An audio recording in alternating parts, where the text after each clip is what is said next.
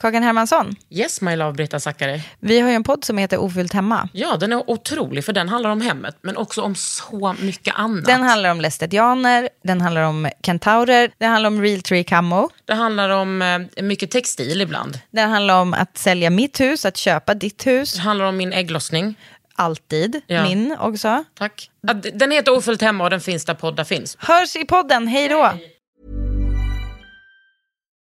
Millions of people have lost weight with personalized plans from Noom, like Evan, who can't stand salads and still lost 50 pounds. Salads, generally, for most people, are the easy button, right? For me, that wasn't an option. I never really was a salad guy. That's just not who I am. But Noom worked for me. Get your personalized plan today at Noom.com. Real Noom user compensated to provide their story. In four weeks, the typical Noom user can expect to lose one to two pounds per week. Individual results may vary. Det här är en podd från L. Under huden idag, denna vecka, har besök av Emma Philipsson som är doula och har förlossningspodden. Det var riktigt intressant att prata med henne och nu försöker hon övertala mig om att jag ska bli doula. Och varför det? Ja men det kommer du få veta alldeles strax. God lyssning. Under huden. Med Kakan Hermansson.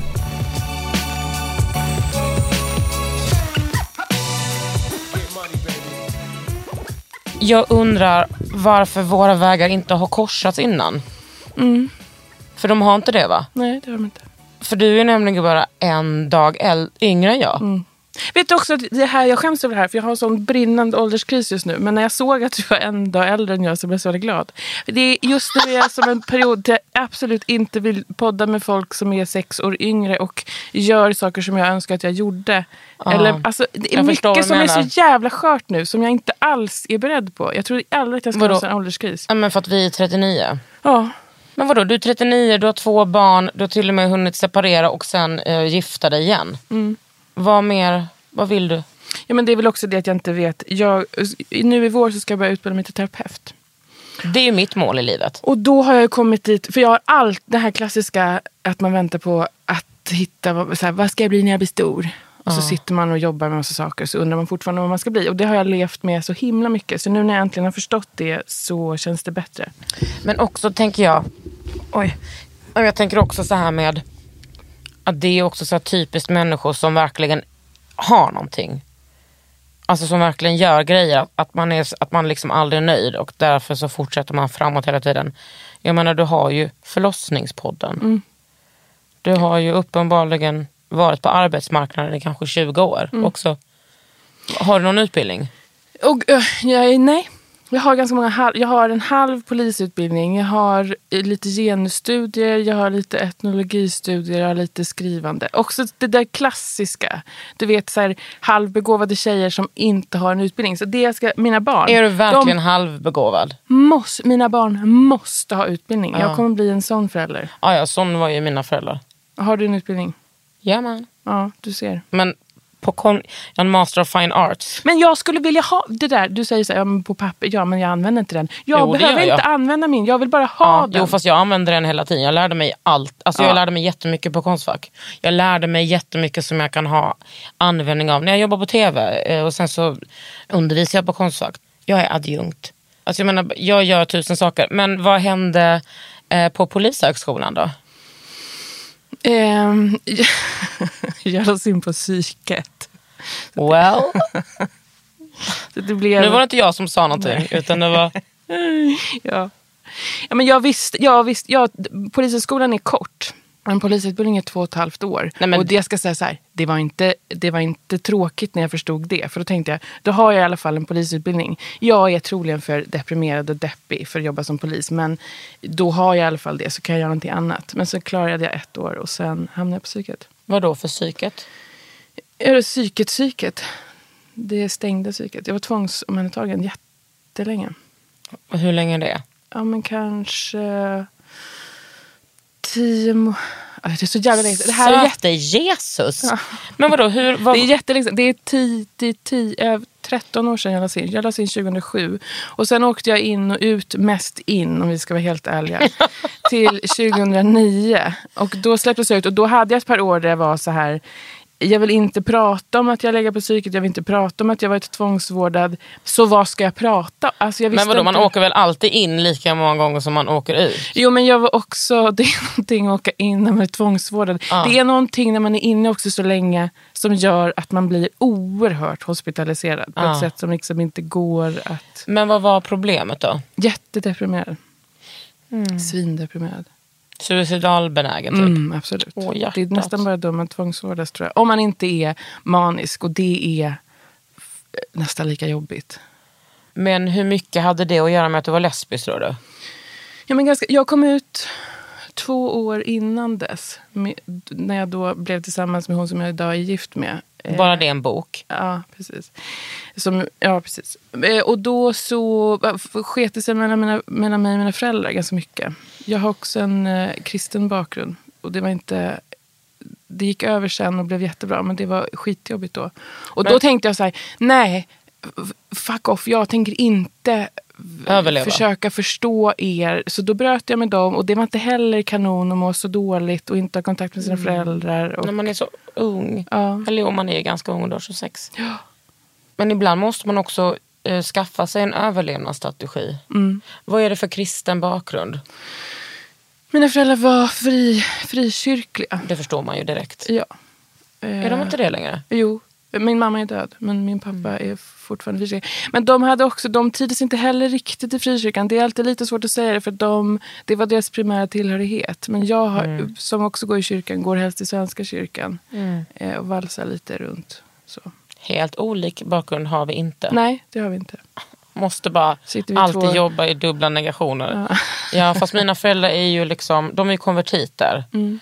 Och hon har ju inte eh, problem med den här hbtq-grejen.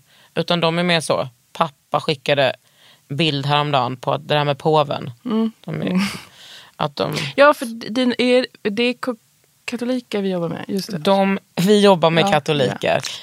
Mamma konverterade när jag var 12 och pappa när jag var 22. Det är också en bra bok.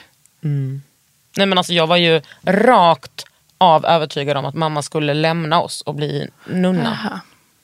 När jag var 12. Alltså jag, jag, var så här, jag, jag kunde liksom inte förstå eh, varför hon inte skulle göra det. Nej. För hon, jag märkte liksom att bara, nu har hon hittat hem. Och, Hittat hem på ett, på ett sätt som kändes lite hotfullt för att hon inte var hos er eller hittat Jo, hem på ett sätt att hon blev lycklig. oss. Det, var liksom, det hade inte med tid att göra, men jag märkte bara, ja, men det var ju ändå så här, vi var på hennes, uh, heter det, konfirm, inte konfirmation, men när hon konverterade. Då var vi där i, ja men liksom ett eh, kloster och vi klädde upp och liksom, det var en stor grej. Men jag var också så här, vad fan vet man när man är 12? Hur gammal? 12? 12? Okej. Nej. Man vet ingenting. Nej, det gör man inte. Och jag tänkte bara, Det hade varit jobbigare om du hade varit 14, tänker du inte det? För då hade du börjat bli så arg och anti. Jag tänker 12 Mm. är ändå när man är lite mer lojal med sina föräldrar. Men jag har fan alltid varit lojal med dem. Mm. Jag har varit det. Nej men då kanske jag hade kunnat fatta mig. Ja, hur som helst så var jag ju 12. Mm. Och nu är de katoliker och det är inte mer med det. Och jag gick länge och tänkte att jag också skulle konvertera men jag kan inte tillhöra den kyrkan. Alltså jag kan inte det. Det är ju emot allt. Jag har inte funderat på katolicismen men däremot så bodde jag på kloster i sena tonåren och tänkte att Alltså den här ute. boken. Och då tänkte jag att det här passar mig. Det här skulle passa mig. Ja. Alltså det här liksom monotona. Ja, det är inrutat och det är Mm. tydligt och det är lite strängt. Det gillar jag. Mm. Men sen tänkte du ändå, men jag tänkte- nog ändå bli polis. Ja, ja, och allt, och, ja, ja precis. Ja. Men det finns något tilltalande i det. Jag förstår verkligen. Det finns den fantastiska dokumentären av Maud Nykander som heter Nunnan. Ja. Och så den är... Den kan Var jag kan man se den? Eh, den kommer på SVT mellan, mellan varven. Ja. Någon gång fanns den på Youtube också. Men den är, den är fan briljant. Ja, jag älskar jag den. minns också att hon var så otroligt vacker. Åh! Och att jag i min enfald, "Va? varför blev hon nunna? Men jag kan också vara väldigt avundsjuk Mm. på de som har den övertygelsen. Mm. Och att de har det som sitt primära behov och övertygelse att I'm a fucking nun. Jag gillar också när hon säger så här, ja, men jag har ju valt karmelitorden för att det är den sträng. Jag vill, tycker ju om det radikala. För då tänker jag, hon är spot on. Hon förstår Mm. precis varför hon är dragen dit. ja, egentligen tänker jag att jag hade kunnat hamna i, inte vilken radikalitet som helst. Nej. Men Men ofta när jag hör om radikala människor, alltså när jag hör, förstå mig rätt, när jag, när jag hör nazister prata, då är det som att jag bara, ja alltså så här tycker jag ju fast om mina åsikter. Ja, men jag tycker Fast det är jag är konstigt. Folk, först- det här att folk säger jag skulle aldrig kunna tillhöra en sekt. Då tänker jag alltid jag skulle kunna tillhöra en sekt varje dag. För man förstår ju vad det är som är lockande. Mm. Det är lockande med en svintight community. Det är Mm. lockande att man får ingå och vara accepterad. Sen förstår jag ju det som inte är så härligt. Men det finns Mm. massa saker som man tänker så här, skithärligt. Men Alex Lettich som har den här podden Sekter, Inte hört. nej den är bra. Han frågade vilken, vilken sekt tycker du att jag ska, ska göra ett program om? Då sa jag, men du, kolla lite in på den lesbiska anarkofeministrörelsen i slutet av 90-talet, början av eh, 2000-talet. Då blev min kompis, så skämtade jag om det med min kompis som är också därifrån. Hon bara, varför säger du så? Det är verkligen att underminera den betydelsen. Jag bara, men det var ett skämt. Men det är ju, jag vet Det, inte om- det är roligt. It's funny because it's true. Det är roligt för att det finns ett Mm. litet korn av sanning i det. Det är det som är så roligt nu när man är äldre. Är det ju en sak, men när jag var ung, alltså när jag var sådär 21, nej men då trodde jag ju att jag kände, eller hade koll på alla lesbiska feminister i hela Sverige. Alltså att jag ändå på riktigt kan ställa dig frågan, varför har inte vi setts? Men alltså tänkte du att, ja precis, därför, ja, för då var ju inte jag ute heller. Nej, Alltså jag gick ju på gayklubbar men det var väldigt hemligt. stod så i hörnet Ja, och exakt. kollade. Inte så Jag åkte till obehagligt. Köpenhamn på gayklubb någon gång Ja. också. Oerhört knepigt. Fan, det är så klassiskt att, att komma från en sån frireligiös bakgrund och, och vara gay. Fy fan vad jobbigt. Mm. Det finns en bok som heter The Cross in the Closet som handlar om, det är en mormon. En bög?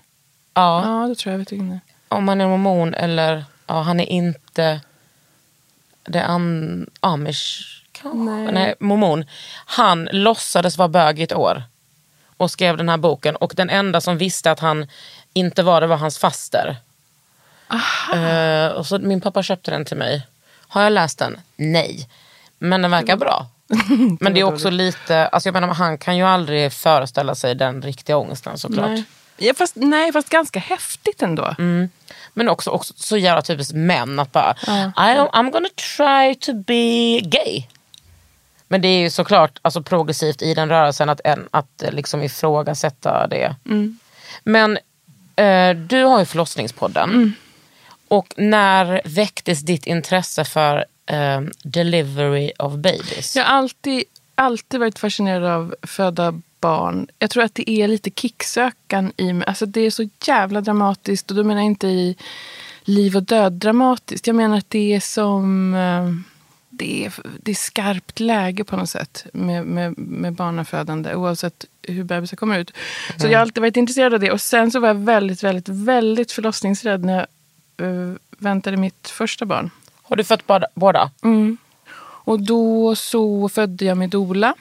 Därför. Och sen och så kort efter att jag hade fött barn så utbildade jag mig till doula. Och då var jag liksom inte förlossningsrädd. Eh, och sen började jag jobba som doula. Och då tyckte jag också att det, jag kan irritera mig oerhört på att samtal om födande är lite uppfostrande. Att det är lite så här, för då, särskilt- det här var 2015, då fanns det inte jättemycket Instagram-konton. Och då var det mycket så, du ska inte prata om det så här för då skrämmer du. Eller du ska inte nämna det här, vi pratar inte om förlossningsskador, vi pratar inte om X, Y, Z. Och det där, eller att, man, att det alltid var lite, att man har valt sida. Eller är du för naturligt? Är du för ditten? Är du för det ena med det fjärde? Och det kan irritera mig så mycket. Att det inte finns ett vanligt normalt samtal. Det här är mina erfarenheter. Hur är dina erfarenheter? Jo, de är så här. Men tycker du att det samtalet har blivit bättre? Ja, men ja, för att jag har gett ut 200 plus avsnitt av min podd. Där det är helt, du behöver inte välja, du behöver inte vara orolig för att du skrämmer någon. Eh, Det var liksom anledningen till att jag ville starta podden. Gick du den där, ehm, Doula-utbildningen. ja, När jag hade en sex månaders, det är en kort utbildning. Mm. Eh, som, och så dolandet bygger mer på liksom erfarenhet. Men på något sätt så kände jag då också att jag fick frågor lite så här, vad är du för sorts dola? Är du en dola som är för naturligt födande eller ja, vad det nu är? Och då tänker jag också, det är så konstigt. Det är så, Alltså det är så konstigt ja. att styra. Speciellt om man, träff, om man ska eh, alltså, hjälpa till vid förlossning med en person som inte man inte kanske känner så bra. Eller också konstigt om man känner den bra. Jo men nu ska jag välja till dig. ja men också det är så konstigt för att då ska jag träffa någon som har, det är en sak att man klickar med någon, för så är det när man väljer dola, men det är fortfarande märkligt att jag ska liksom ha någon sorts inriktning. Om någon vill föda i ett hörn och stå på huvudet så ska jag hjälpa dem att göra det. Jag behöver inte ha någon, alltså, man behöver inte ha så mycket åsikter om födande. Och när man tar bort så polariserade åsikter om födande, då tycker jag att det finns plats för vanliga människors egna känslor. Liksom. När det inte blir så mycket ideologi. Nej, nu känns det typ lite mer eh, så än någonsin. med ideologier. Med typ diskussion om så här, föda hemma. Jag märker en sån trend och jag antar att det är mycket positivt det där med liksom att det finns så många konton och jag följer själv flera stycken och typ tycker att det är, är otroligt med förlossning och kan bli så avundsjuk för att jag vill typ föda hela tiden. Och jag har ju också funderat på om jag sk- ska bli dola. För jag eh, tänker att det är... Jag har en utbildning i januari. Du är välkommen. Ska du hålla den? Ja, det, det, är, det är mitt största värv just nu, att jag utbildar dolor. Januari. Det finns en plats redo för dig. Okej, nu blir jag nervös. Okej, men nu får du berätta. Nu, när du hade gått den där utbildningen, Mm. Vad var ditt första uppdrag? Det pratar, jag pratar oerhört lite om mina uppdrag. Alltså inte, jag skulle aldrig prata om mitt första uppdrag, för då skulle jag känna att jag sålde ut någon. Men mina första uppdrag, som luddigt talat då. Ja, Var så du nervös? det är... Till skillnad från till exempel, om vi ska ta polisyrket nu, om det ska bli det jag ska referera till. Så där är det så skönt, för där har man en uniform och då känns... Då har man lite s- Om man då hjälp, man, kläderna gör att det hjälper till att känna sig som en polis. Och det är klart att det är nervöst, därför att som doula känner man sig alltid som så här, vad, vad gör jag här i början? Man känner sig lite oruttad och så. Så att ja, det är klart att det var nervöst. Men så fort, det är någonting otroligt magiskt. Det här säger jag inte för att romantisera mitt yrke, men det är otroligt magiskt att komma in i ett rum. Om någon ringer in mig, man är i aktivt verkarbete, jag kommer in, de är fyra centimeter öppna ish. Och så kommer jag in. Det, allt annat lämnar jag liksom utanför. Sen går timmarna och då kommer det ikapp mig möjligtvis. Men när man kommer in i ett förlossningsrum, då, finns det, då finns inte så mycket plats för sin egen nervositet. För det är så sjukt intensivt på något sorts lågintensivt sätt. Men jag tycker att det verkar så svårt vilken plats man ska ta som dola. Mm. Och den skiftar. Ja. Har du en partner som är jättenervös och säger uttalat jag är skitförlossningsrädd. Jag vet att det är fult att erkänna det. Jag vet att jag ska vara, om det är en man, jag vet att jag ska vara stark och härlig och trygg. Och min, vid min kvinnas sida. Men jag är skitnervös. Men då har man ju kommit överens om det innan. Att här, jag behöver hjälp att stötta min partner. Och då förstår man sin roll lite. Om då du skulle vara min dola. Mm. Eller om jag vill att du ska vara min dola. Hur går man tillväga då? Men då, oavsett vilken doula det är man kontaktar så kontaktar man dem och så säger man så här, kan vi ses på ett förutsättningslöst möte? Och så ses man och så pratar man. Och så, I mitt fall så säger jag alltid, bestäm er om det är ett par, bestäm er tillsammans eh, och hör av er till mig sen. Bestäm inget nu, Nej. för då kan den ena känna att ah, så kul var hon ju inte. Precis. Eh, men så, och då så ses man första gången och så bestämmer de om de vill att man ska vara deras doula. Och sen så ses man igen en eller två eller tre gånger eh, innan man ska föda. Och vad är det för samtal som ni har då? Eh, jag har dolat ganska många förlossningsrädda och där man har varit utsatt för någon typ av våld. Det har blivit så. Det har liksom, mitt namn har tipsats om på det sättet. Så då är det ganska specifikt. Jag vill inte Alltså, men, vad menar du? Blivit utsatt för våld? Men om man har erfarenheter av, tidigare erfaren- erfarenheter av våld så, så har det en envis tendens att dyka upp när man föder barn. Ehm, och då har mitt namn så delats lite i sådana typer av forum. Liksom. Och då kan det vara väldigt specifikt. Jag vill inte att någon står bakom mig och gör så här. Jag vill tycka att vaginala undersökningar det är det mest klassiska. Jag tycker det är vidrigt. Och då kan man ha strategier för hur ska vi göra och bemöta det. Eller helt inom sitt stora situationstecken vanliga födslar. Jag tycker att det ska bli svinkul att föda barn. Hur maxar vi det här? Wow. Jag kände nog lite så med att ha en dola. Jag har tyckt att det kanske var ett så här att man typ erkänner att man inte litar på sin partner. Eller att man tänker att ens partner inte räcker till. Alltså en, bara en tanke som har kommit till mig. Och jättemånga andra. Ja. Eh, jag tror att det har också att göra med det här konstiga idealet att ens partner inte får vara rädd. Och jag har aldrig förstått det.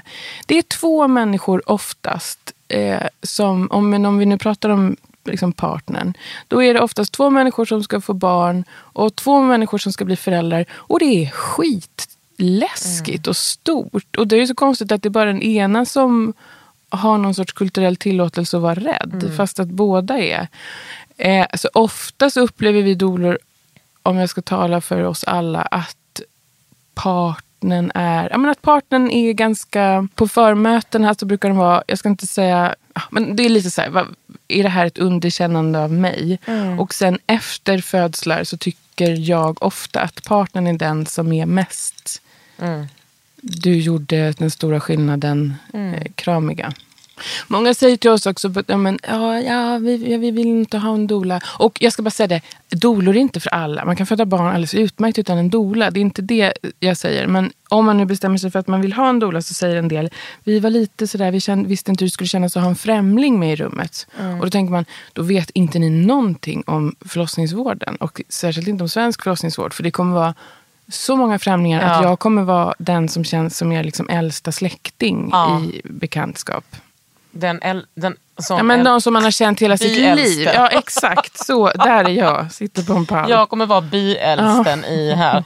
Ja och också, alltså det är inte som att man får En byäldste i spandex. Ja, precis. Men också att man ganska ofta kan man ju vara inne under så att man får träffa barnmorskan och undersköterskan, alltså flera stycken. Och sen så är det, ja. Knack, knack. Hej, hej. Nu, nu går vi på vårt pass. Knack, Ja. knack. Hej, hej. Nu går vi på vårt pass. Och så sitter jag där som är den som har varit med då längst. Har, det, har du känt någon gång att, eh, det, att det inte har gått bra? Ja, alltså... Ja, absolut. Det är ju ett jobb som alla andra. Och ibland känner man så här, ah, jag trodde att det där skulle göra susen. Gjorde det det? Ibland kan man komma från födelsedag och tänka så åh fy fan vad vidrigt. Man nästan så att man vill gråta. Och så får man ändå ett sms efteråt som är så här, åh det här var fantastiskt, tack. Så jag har lärt mig, och det här säger jag ofta till förlossningspersonal, eller jag säger det om förlossningspersonal i min podd, att man ska inte ha ås- man ska passa sig jävligt noga för att säga, det här gick ju bra.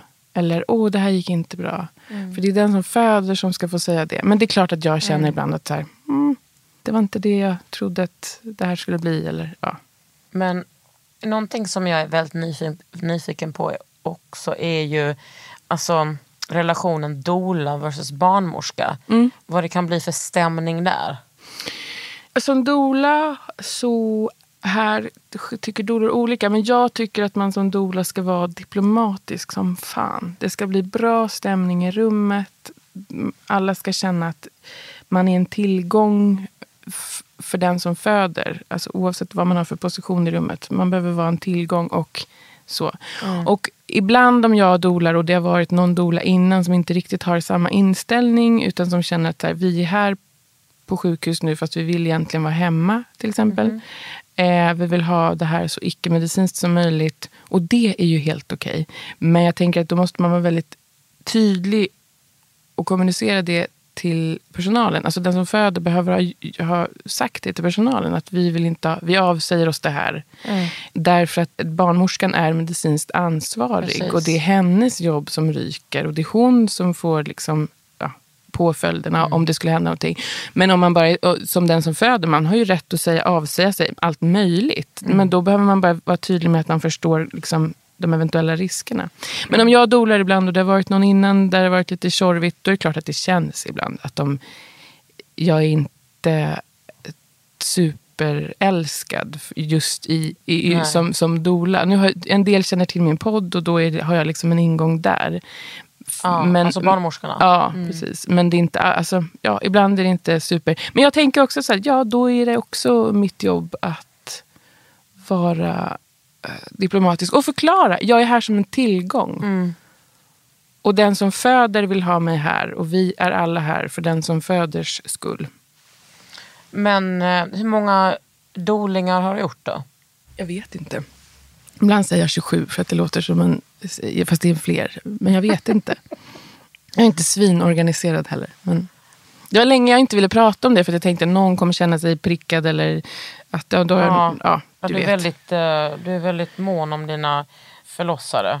Mm, och också när, som poddgäst. Jag är oerhört mån om mina poddgästers integritet. Jag är ofta Ah. så att vissa saker tänker sig att det här skulle bli jävligt bra innehåll. Mm. Men att jag struntar i det för att jag vill aldrig att man ska gå därifrån och känna sig att man sa lite för mycket. Eller vem intervjuar du i, i din podd? Nästan bara helt vanliga.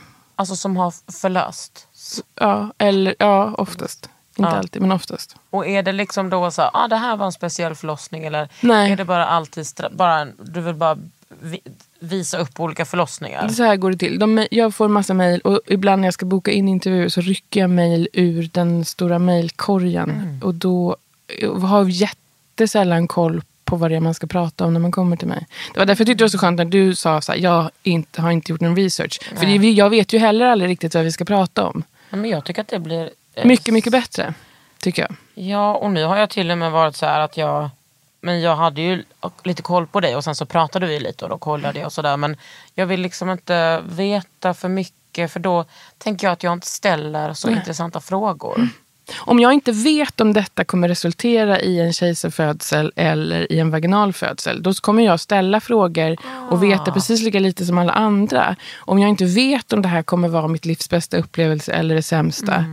Så att jag, jag har ofta jättedålig koll med flit. Så att nej, de, jag, är helt, jag väljer inte så mycket som det blir. Men folk hör liksom av sig bara, jag vill komma. Ja, jätte, jättemånga hör av sig. Finns det någon trend inom så här berättandet om förlossning just nu tycker du? Alltså det finns ju olika poddar liksom. Mm. Ja, men jag lyssnar inte på um, föräldrar och barnpoddar. Och det är väl för att det är... Det, Vad alltså, är det? Men förlossningspoddar. Alltså jag har dålig koll.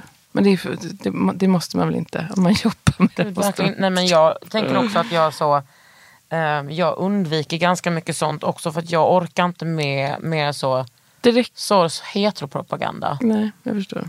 Och att så här, just när det kommer till sådana liksom känslomässiga berättelser så ta, då tar det aldrig slut. Nej, det gör det inte. Och att det är så här, men det här är faktiskt mitt liv. Ja det är det men det är också, kan du inte vara lite så kritisk inför hur du porträtterar dig och din heterofamilj? Mm. Men, och det är därför, alltså på, jag märker vissa frågor ställer jag också utifrån att jag är flata. Jag kan jättelite om preventivmedel, det märks. Jag kan, jag, alltså, ja, vissa, och det ju, ändrar ju också lite. Man måste alltid, det finns ingen sån överenskommelse i min podd att vi är hetero. Och sen var 16 avsnitt så bjuder vi in liksom Nej. en flata. Utan det, är, det gör ju också att samtalet blir lite annorlunda. Men din, man ska ju också säga att din podd är ju en feministisk podd. Mm. Oh, oh ja. Samma här faktiskt. Oh Det ja. kanske kommer som en chock för dig. Nej. Nej men det är ju, eh, tänker jag är så viktigt i Mm. allting. Och du nämnde för innan vi började spela in att du skulle utbilda till terapeut. Mm. Och det tänker jag också så, att terapeuter, alltså är inte de feminister? Då vet jag inte vad vi ska göra. Hur tänker du då? Att de... Jag tänker mycket på till exempel om man går i parterapi. Och att om man inte har en, en, en terapeut som är feminist, hur ska man då kunna gå in och liksom dissekera maktrelationer i förhållanden eller förtryck eller att det blev som det blev? Nej. Nej. Men jag tänker också som, som jag också nämnde för dig, att jag har haft nu massa berättelser om våld i nära relationer. Och då, en sak som är så viktig när folk berättar om våld är också att inte komma med sina tankar och åsikter och sitt feministiska utan att bara lyssna. Mm. Och då tänker jag att om ibland så är det mest feministiska man, ska, man kan göra är att förutsättningslöst lyssna på någon. Alltså, den här, man tänker om någon säger så, ah, men jag blev slagen. "Åh, Va? Jag skulle lämnat på direkten. Det är ju det mest ofeministiska man kan jag göra. Vet. Jag vet. Så Men jag- vem säger så? Den samtalsterapeuten tänker jag ska vara feministisk. Nej men jag tänker real feminist bara. Ja, Men jag tänker också, jag och säkert du också, jag har erfarenheter av kompisar som har varit i misshandelsrelationer, psykiska och fysiska. Ja, men det där lärde jag mig tidigt att man det finns ju ett lingo som man använder och inte använder. Man, man säger inte till fy fan han är så jävla vidrig och dum i huvudet för att då vet man, då kommer hon skärma av. ja precis. Eh, alltså, den taktiken har jag fortfarande med Ja. kompisar som är tillsammans med helt störda personer. Ja, Att man liksom man kryper fram. ja. Det är den samtalsterapeuten jag ska bli. Mm. Under huden. Hey, it's Paige DeSorbo from Giggly Squad. High quality fashion without the price tag. Say hello to Quince. I'm snagging high-end essentials like cozy cashmere sweaters, sleek leather jackets, fine jewelry, and so much more. With Quince being 50 to 80% less than similar brands. And they partner with factories that prioritize safe, ethical, and responsible manufacturing. I love that. Luxury quality within reach. Go to quince.com slash style to get free shipping and 365 day returns on your next order. Quince.com slash style. Quality sleep is essential. That's why the Sleep Number Smart Bed is designed for your ever evolving sleep needs. Need a bed that's firmer or softer on either side? Helps you sleep at a comfortable temperature? Sleep Number Smart Beds let you individualize your comfort so you sleep better together. JD Power ranks Sleep Number number 1 in customer satisfaction with mattresses purchased in-store. And now, save 50% on the Sleep Number limited edition Smart Bed for a limited time. For JD Power 2023 award information, visit jdpower.com/awards. Only at a Sleep Number store or sleepnumber.com. Men vad är det för utbildning du går? Nu? Alltså för att bli terapeut? Nej, jag har inte börjat. Jag börjar i vår. Ah, men vad är det jag, för är inte, jag, jag vacklar lite. Jag är lite osäker. Jag har inget vettigt att säga vilken jag ska välja. Jaha, men du har, du har inte Nej, så- valt? Nej, så det Men börjar i Gud vad spännande. Men vad, jag har ju alltid tänkt att jag skulle bli terapeut sen när det här livet är över. Mm. Och sen har jag tänkt, är det så smart när man är en offentlig person? Så bara, men det kanske man ändå kan vara. Alltså man har ju, nu är inte jag en offentlig person, men du har ju ett förtroendekapital redan. That is true. Men jag undrar, det, det där förtroendekapitalet får ju liksom inte gå till, till Nej, överstyr. nej, men det tror jag man lär sig att hantera Ja. sitt ego. Men jag inte. menar du ska inte gå, du ska inte bli, eh, du ska inte gå socionom. Nej, Och bli, utan du ska gå en men då, terapeut. det kommer bli ytterligare en sån utbildning som jag har som, som jag liksom samlar på hög som aldrig... Nej, nu måste vi göra något Ja. Enklare. Men vad finns det för alternativ då? Det finns betal... Jag ska, jag ska inte prata om det för jag har så dålig koll. Men det finns såna kortare, eller på säga, de kanske tvååriga betalda. Som jag tror ses på lite, som lite sämre. Men det har man igen sen när man har jobbat ett par år. Att folk frågar mindre efter ens utbildning. Ja precis. Om Det är den vägen jag tänker att jag ska liksom kryssa mig igenom det här. Silla som har Jag vill ha barn, Mm. den podden. Hon har ju gått en sån utbildning. Mhm. Som hon tyckte var bra. Hon, nu jobbar hon liksom, och hon jobbar ju mycket med barnlöshetsfrågan Mm. på, ja, men på ett eller annat sätt. Men jag, jag tänker liksom, jag, eftersom jag har fått så mycket hjälp själv i terapi. Jag tycker liksom att det är lösningen på väldigt mycket. Mm. Eller i alla fall en putt liksom. Men så tänker jag med om, om, om dola, men nu känner jag mig lite osäker faktiskt. Men ja, men nej, du ska komma utbilda dig. Nej men jag menar det är också, jag känner också så här, aha, ska jag bli det för att jag längtar efter att föda? Eller ska jag liksom, det känns liksom som att det finns, att många har en anledning till att bli doula? Ja men har man inte, ja men man blir väl inte mekaniker för att man är så jävla ointresserad av bilar. Man har, blir väl mekaniker för att man vill vara i närheten av bilar. Och det kan väl få vara, det kan väl också få vara en anledning så god som någon. Sen om det är så att man liksom pådyvlar folk sin egen, så här, åh jag önskar att jag fick föda på det här sättet och då försöker jag eh, liksom förmedla det genom mitt doulaskap. Då kanske man är, är men då är man ju en knasig, lite problematisk person och det kommer man ju vara oavsett vad man jobbar med tänker jag. Mm. Du märker att jag Ja. jobbar hårt här. Du är så diplomat. För ditt, men jag vill också att du ska utbilda dig till doula. ja. Varför vill du det då? Jag, tänker, jag tänker att det skulle vara roligt. Vissa människor när man träffar tänker man åh vad jag skulle vilja ha dig i en utbildningssituation. För det är väldigt speciellt våra utbildningar. De är ju inte som, man sitter ju inte så vid ett bord och antecknar. Utan det är ju m- mycket sånt man jobbar med sina egna referenser. Man delar erfarenheter. Och vissa människor tänker man åh vad jag skulle vilja ha dig och få höra vad du har att bjussa på. Ja. Så det är ett väldigt... Det är en upplevelse. Ja, Men jag tror också faktiskt att jag skulle vara en otrolig doula. Mm. Att jag skulle vara bra på att, liksom, eftersom jag är väldigt inkännande, men jag kan också peka med hela handen. Mm. Exakt så tänker jag att man behöver vara. Men får jag fråga dig, och då du, behöver du inte svara på det om du inte vill det eller kan det. Men har det gått dåligt någon gång på en förlossning? Alltså dåligt som att eh, barnet har dött. Nej, Men gud, det kan vi inte prata om. För att... Jag vet inte, om du, det känns som att du outar någon. Nej, jag har dolat en födsel med ett barn som vi visste var dött. Eh, jag har dolat f- flera, men jag har dolat ett, en sån födsel som jag har tillåtelse att prata om. Och det tänker jag också är... Vem vill man ha med sig när livet verkligen är ett trasigt? Man, vill ha någon som är man vill inte ha någon, en gråterska nödvändigtvis. Man vill ha någon som, okej, ja det här är skithemskt. Men nu gör vi det här och vi gör det värdigt och vi gör det snyggt och vi gör det så bra vi kan. Ja, och jag menar den förlossningen. Jag har ju vänner som har gjort det. Och som flera vänner. Och som ändå tyckte att den förlossningen var fantastisk. Och det låter så klyschigt men det är, det, Mm. det, det är ju också någonting. Det, det är ju inte någonting som man glömmer. Det är ju också Mm. någonting att göra. Ja. Men allt det som du liksom erfarer och sådär. Jag tänkte om du hade varit en barnmorska eller en undersköterska och hade kanske kunnat få så, som att det erbjuds mycket, nej men counseling via jobbet. Men hur, hur blir det för dig som liksom är en, så här, en privat dola? Vad gör du all, av alla dina erfarenheter och känslor? Jo men vi har ju kollegor. Vi har ju massa, massa Mm. doula-kollegor. Som, eh, där man pratar och ringer och ringer och säger Åh, det gick så här. Eller ah, fan, oh, oh. Mm. Ja, och pratar av sig. Vet du att Erika Badu är dola? Erika Badula.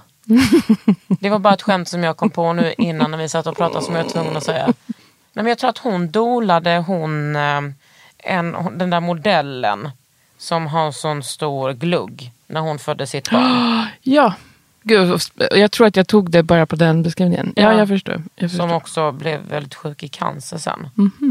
Hon heter någonting, ja, men hon är så här 50-modell och ser... Hon heter någonting coolt, typ Summerburst. Nej, men, Så kul när du ska liksom beskriva på vilket sätt namnet är coolt. ja, men hon heter liksom... Typ Summerburst. Ja men du fattar, alltså, Ja, hon heter förstår. någonting, inte Karin Hermansson. Nej. Mm. Om du förstår vad jag menar. Men eh, jag tänker också att det är så skönt med, jag brukar alltid vara så stressad för, eller generellt för transpersoner, hur de blir behandlade. Men speciellt i vården och i, i förlossningsrummet. Eh, liksom. Men det kanske jag inte behöver vara, eller? Alltså jag tänker att det är, har du, har du förlossat någon?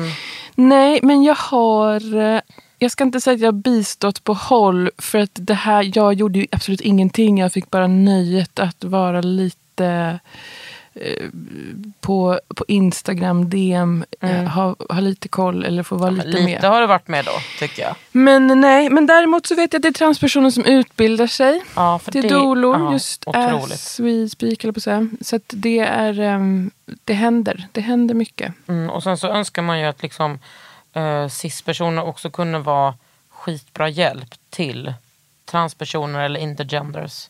Ja, och också att jag tänker att för, för när jag födde mitt andra barn är så ovan att prata om mina egna födelser. Men när jag födde mitt andra barn så var det en barnmorska med som jag direkt identifierade och det visade sig stämma sen som, som bög. Och för mig betydde det svinmycket.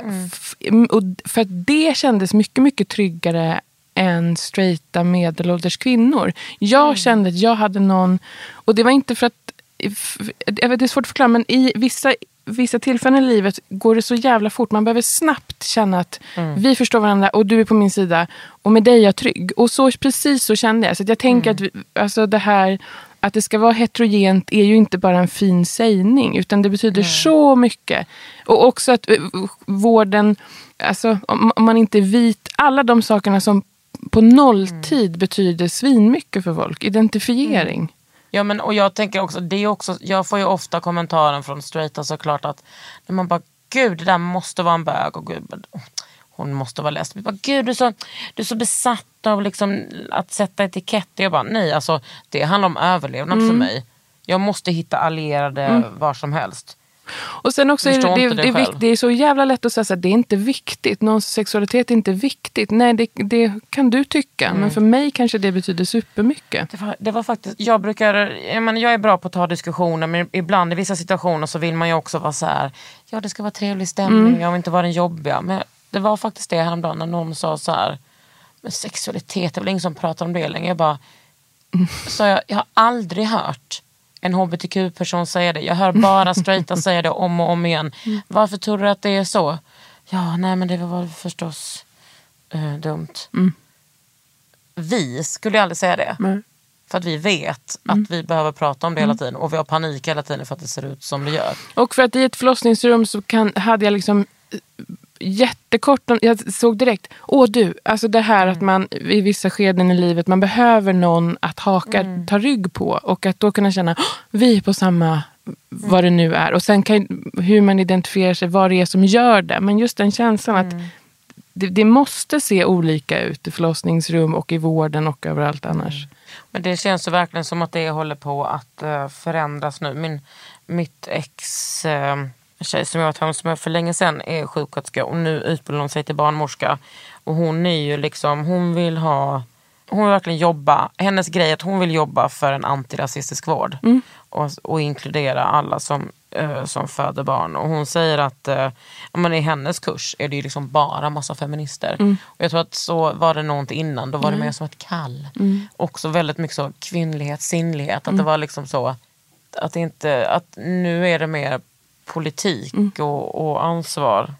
Ja, och sen att det här att man, man idén om att folk som har vårdyrken på något sätt skulle, ja, men att det skulle vara ett kall.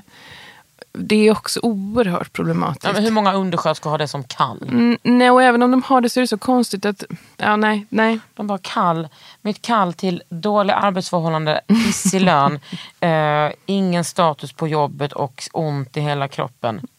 Men du har aldrig tänkt att du vill bli liksom barnmorska? Nej, aldrig. Och jag frågar ofta den frågan. Jag brukar säga att det är som att säga till en flygvärdinna eller steward eller vad det nu är heter. Så här, har du aldrig velat bli pilot? För mig är det jätteolika saker och jag är noll intresserad av det medicinska. Tanken på att ha medicinskt ansvar. Liksom, jag gör mitt jobb bra för att jag helt kan se förbi och tänka det är någon annans huvudbry hur högt det här huvudet egentligen står. Det kan jag skita i.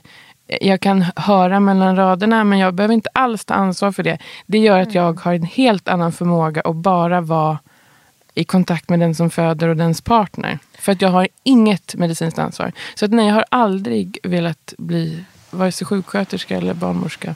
Hur kan dolandet se ut då hos dig? Alltså vad, hur ser det ut rent praktiskt? så här, man hör av sig till mig man säger vill du bli vår doula? Vi ses på ett, ett församtal. De säger ja, vi vill ha det som doula. Och så ses vi och så går vi igenom vad är det? Vad är det som, som vi vill ha hjälp med? Eller vad är det vi, hur vill vi föda? Eller, ja. Och så går jag på jour en vecka innan beräknad, beräknat datum. Och då är det liksom att du har telefonen på dig hela tiden och de kan ringa när som helst. Hur Men- blir det då om du har dina barn? Men jag har en bra fru och en eh, bra exfru. That is cool. Mm. Och så, eh, jag ska säga att jag tar ganska få uppdrag. Jag kanske tar tre uppdrag per år just nu. Så det är inte så mycket jour att tala om. Men så rings jag in. Det är lite olika när man vill. En del tycker att det är stressande att, att, ehm, att jag ska komma hem till dem. För då vet man inte hur länge det ska pågå. Är den förstföderska så vet man inte. Har det satt igång nu? Har det inte satt igång nu? Så oftast, det vanligaste är att man ringer mig när man är inskriven. På en förlossning, om det är en sjukhusförlossning. Och sen så ehm, kommer jag dit och så är jag där tills bebis har fötts. Och så ses vi också en, två, tre veckor efter och pratar efter förlossningen och pratar om vad som har varit. Men nu får du inte vara med va? Nej, jo nu får man, men det var i våras fick man inte. Ja. Men okej, men alltså själva dolandet på plats under förlossningen. Vad, kan du erbjuda typ så massage? Mm. Kla- badda lite liksom? Eller vad känner du att du gör mest av? Eh, Dolo jobbar ju så olika. Jag är inte jätte... Det är så olika också om man jobbar med någon som är förlossningsrädd eller någon som inte är förlossningsrädd. När man jobbar med någon som är förlossningsrädd så är det mycket ögonkontakt. Mycket så här. Nu andas vi in, här är vi, här är vi i rummet. Att man håller någon sorts kontakt. Men som det är någon som inte är förlossningsrädd eller någon som har andra behov, då är det mer att man liksom står bakom tryck höftpressar är liksom det jag gör mest Alltså. av allt. Det är så skönt. Jag, tycker, jag blir nästan lite dräglig av att prata om Ja. det. Det är så skönt med pre- höftpressar. Men så det beror på vad, man vad det är som är. Vad det är man behöver. Mm. Och sen så kan jag tänka mig att många föderskor eller födare blir liksom de tror de vill ha hjälp med någonting och sen så har man ingen aning egentligen. Ja, nu är jag ska säga att jag är ganska bra på pinpointa på församtal. Man tror att det är någonting man vill och så kan, vi, kan man ändå... Man, märk, man liksom lär sig också märka vad det är man vill eller inte vill eller vad man undviker. Så. Och jag är ingen terapeut i mitt dolande, men Snart. Ja, precis. Men Snart också märk, man också märker vissa saker. Och då kan man närma sig att man är egentligen rädd för det här. Eller man vill egentligen det här fast man vågar inte säga det. Det är jätteviktigt att undvika någon epidural men man skäms. Alltså, det finns ju alla sådana saker. Kan du ge förslag? Eller var går gränsen för vilka förslag eller tips du kan ge? Alltså till exempel vid epidural eller sterila jävla kvaddlar. Eller vad de heter. Kvaddrar. Kvaddlar. Kvaddlar. Eh, den vattendelaren med sterila kvaddlar. Ja. Eh, jo, nej men jag, jag får inte ge medicinska råd. Men däremot så kan, om man har, om jag vet att det är någonting man vill... Alltså jag, jag kan fortfarande föra en diskussion med den som föder och ibland lätta på vissa saker som har känts omöjliga eller viktiga eller så. Vi passar oss för att... Jag, jag är noga med att hålla mig utanför. Men sen får man ju också frågan, men om jag frågar dig som privatperson, vad skulle du göra eller hur tycker du och sånt. Så det är klart att jag, alltså jag är ju där också som... Alltså mer som privatperson på förlossningen. Ja, men ibland vet man att jag inte vill tycka och tänka om, men så vill man fortfarande ha en diskussion. Och det är klart att vill man ha en diskussion så, så har jag det. Men jag får inte föreslå saker. Nej. Kom nu åker vi hem, det är klart du inte ska behöva föda. Det är så himla många av mina kompisar som har fött som har varit så här. Sen efter 11 timmar då, då sa jag bara till barnmorskan, vet du vad, nu åker jag hem. Ja, nio centimeters, jag vill hem eller Ja. jag vill längta efter min mamma. Säger folk ofta det? Eh, ja, Wow, och alltså. det är så him- ja, och det är väldigt... Ibland när, vi, när jag har doula-utbildningen så pratar vi också ofta om mothering the mother. Att ta hand om någon som är mamma eller ska bli mamma. Och att det är otroligt... Det låter så flummigt men det, det uppstår någonting. Och det är väldigt fint på något sätt. Det är nästan det jag oftast blir mest rörd över. Det är när man längtar efter sin mamma. För då plötsligt så är det så här, nej jag vill inte allt det här stora enorma. Nej. Jag orkar inte ta så mycket ansvar. Nu vill jag vara liten. Ja, och, Och att det är liksom fint. man själv är i precis i övergången. Att liksom bli mamma Mm. själv eller förälder. Mm. Wow. Ja, det, det är vackert alltså. Mm. Om man nu har en bra relation med sin mamma. Mm. Men, ja, men ma- mammafrågan uppstår ibland. Och, ja, det, och har man en problematisk relation med sin mamma så brukar det komma upp under graviditet. På något sätt så är det, vi kommer liksom inte ifrån att det är som, graviditet är som att starta om en dator. Det kommer upp en massa grejer och förfrågningar och skit som man inte riktigt kan alltid bortse ifrån. Vad kostar att ha en doula? Alltså vad kostar du som doula? 14 och ett halvt kostar jag. Per timme. Nej, men en, en kollega till mig räknade ut vad timpriset blir då och det var så, så lågt så det ska vi Ja. inte prata om. Men eh, ja. Men liksom på, på, som du tar på din enskilda firma typ? Mm. Eller? Ja.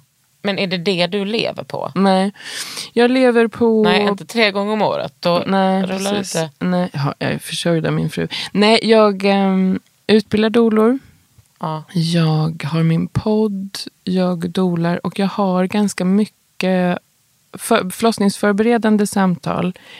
Men också postpartumsamtal, alltså samtal efter en födsel. Och just nu är det nästan det jag gör mest. Som någon sorts terapeut, även om jag är noga med att säga till alla som kommer att jag inte är terapeut. Men man pratar med mig som dola om sin födsel. Saker som man inte vet varför det känns jobbigt. Det gnager, det känns lite skört.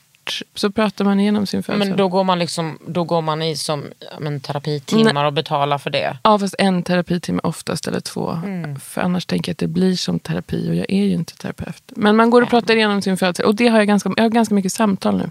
Tycker du att det är härligt? Ja, Men du känner också att du är bra på det va? Mm. jag är nästan mm, bättre på, på Nej, men alltså, jag blir så sugen på att öppna upp mig för dig nu. Alltså, Mm. Du är ju en sån förtroende... Alltså, din energi är otrolig. Mm. vad härligt.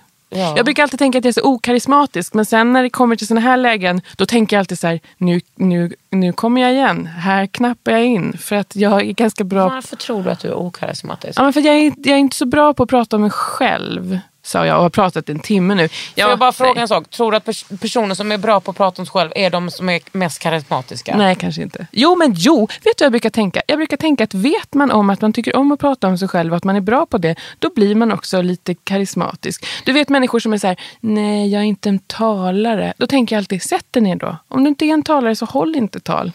Och så kan jag tänka med mig själv också. Ja men jag är mer så, alltså, jag kan ju verkligen vara en, en talare men jag behöver inte alltid prata om mig själv. Nej, nej. Men jag kan hålla låda Fast om... du är ju också bra på du är ju, du är ju svinkarismatisk. Och det tänker jag att det blir man också när man vet om att man är det.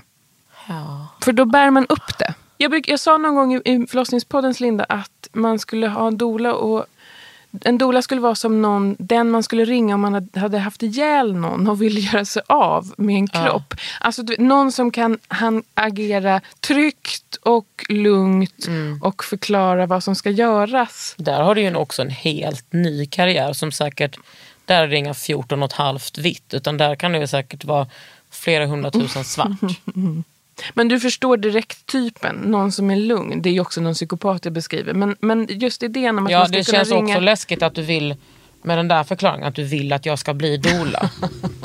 jag skulle vara sämst Ja men på mord, typen så här, alltså. vem, vem vänder man sig till när man har fått ett cancerbesked? Vem Mm. vänder man sig till när man behöver höra, inte bara åh vad hemskt, utan, och nu, nu pratar jag om födande som om att det är en sjukdom eller död och det är det inte. Men, men den, vem, vem Mm. vänder man sig till som kan få en att hålla sig trygg och lugn?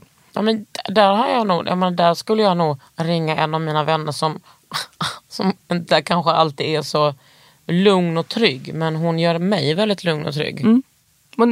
Jag brukar också säga så här, ta med er era ni måste inte ha en dola, ta med er era vänner. Det, är, det gör Mm. superstor skillnad. Och i Sverige så tänker vi ofta, va, får man det? Kan man det? Mm. Ja, Men vill jag... kan. Ja, och det kan man verkligen. Nej, men vi är så jävla kärnfamiljs heteroskadade i det här landet. Det är liksom Mm. Ja, men vi är också allt. oerhört rädda. För, precis, tvåsamheten är ju Mm. allt. Och vi är rädda för såna här typ instanser. Att de Mm. ska bli... Men det tycker jag jag hör så mycket från eh, kompisar som jobbar inom vården. Ja och sen så kom ju liksom, eh, så var ju hela deras familj där. Och det var ju liksom, alltså om, man det, om det är icke svenskar eller invandrare eller flyktingar whatever. Och så kom ju så var ju hela hans familj och de var ju så himla många och, och de var där på besökstiden och bla bla. Alltså som ett irritationsmoment. Jag skulle, Mm. Ja, men- Om jag låg inne skulle jag älska om mina tolv släktingar kom Mm. och visade kärlek för mig. Därför att då gör man också, det som händer när man gör det, det är att man gör förlossningsrummet eller förlossningsvården till sin egen. Mm. För nu, det som händer, många som kommer in och ska föda barn är så här, får jag ställa ner väskan här? F- får jag hämta vatten? Får jag Mm. göra det här? Därför att vi är på någon annans plats och vi Mm. sätter oss ner och hukar oss för den gode stora sj- sjukvårdsinstansen. Mm. Och det är också oerhört problematiskt. Det är som att fråga så här, får jag bajsa här? Och så kommer det in en massa människor och springer ut och in. Och så säger vi så här, ja, men du ska slappna av. Det kommer gå jättebra om du slappnar av. Det är ju jättesvårt att vara på nåder. Verkligen. Men jag tror också att så här, eftersom det är flest kvinnor som föder barn. Vi är så himla vana vid att, vara på, att allt är på nåder för oss. Ett, bara ett, ett långt ursäktande för att man ens finns. Men då är det ju skönt att du är där och vill förändra det. Like a boss doula. du har lyssnat på Under huden med mig Kakan Hermansson och Med mig Emma Philipsson.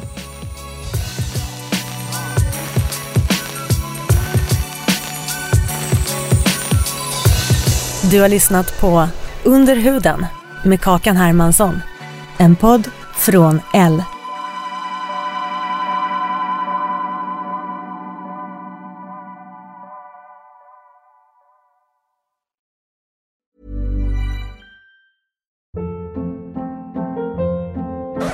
Up. What was that? Boring. No flavor. That was as bad as those leftovers you ate all week. Kiki Palmer here, and it's time to say hello to something fresh and guilt-free. Hello Fresh. Jazz up dinner with pecan-crusted chicken or garlic butter shrimp scampi. Now that's music to my mouth. Hello Fresh. Let's get this dinner party started. Discover all the delicious possibilities at hellofresh.com.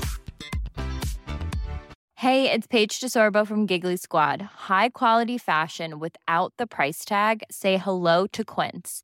I'm snagging high-end essentials like cozy cashmere sweaters, sleek leather jackets, fine jewelry, and so much more. With Quince being 50 to 80% less than similar brands. And they partner with factories that prioritize safe, ethical, and responsible manufacturing. I love that. Luxury quality within reach. Go to quince.com slash style to get free shipping and 365 day returns on your next order. Quince.com slash style.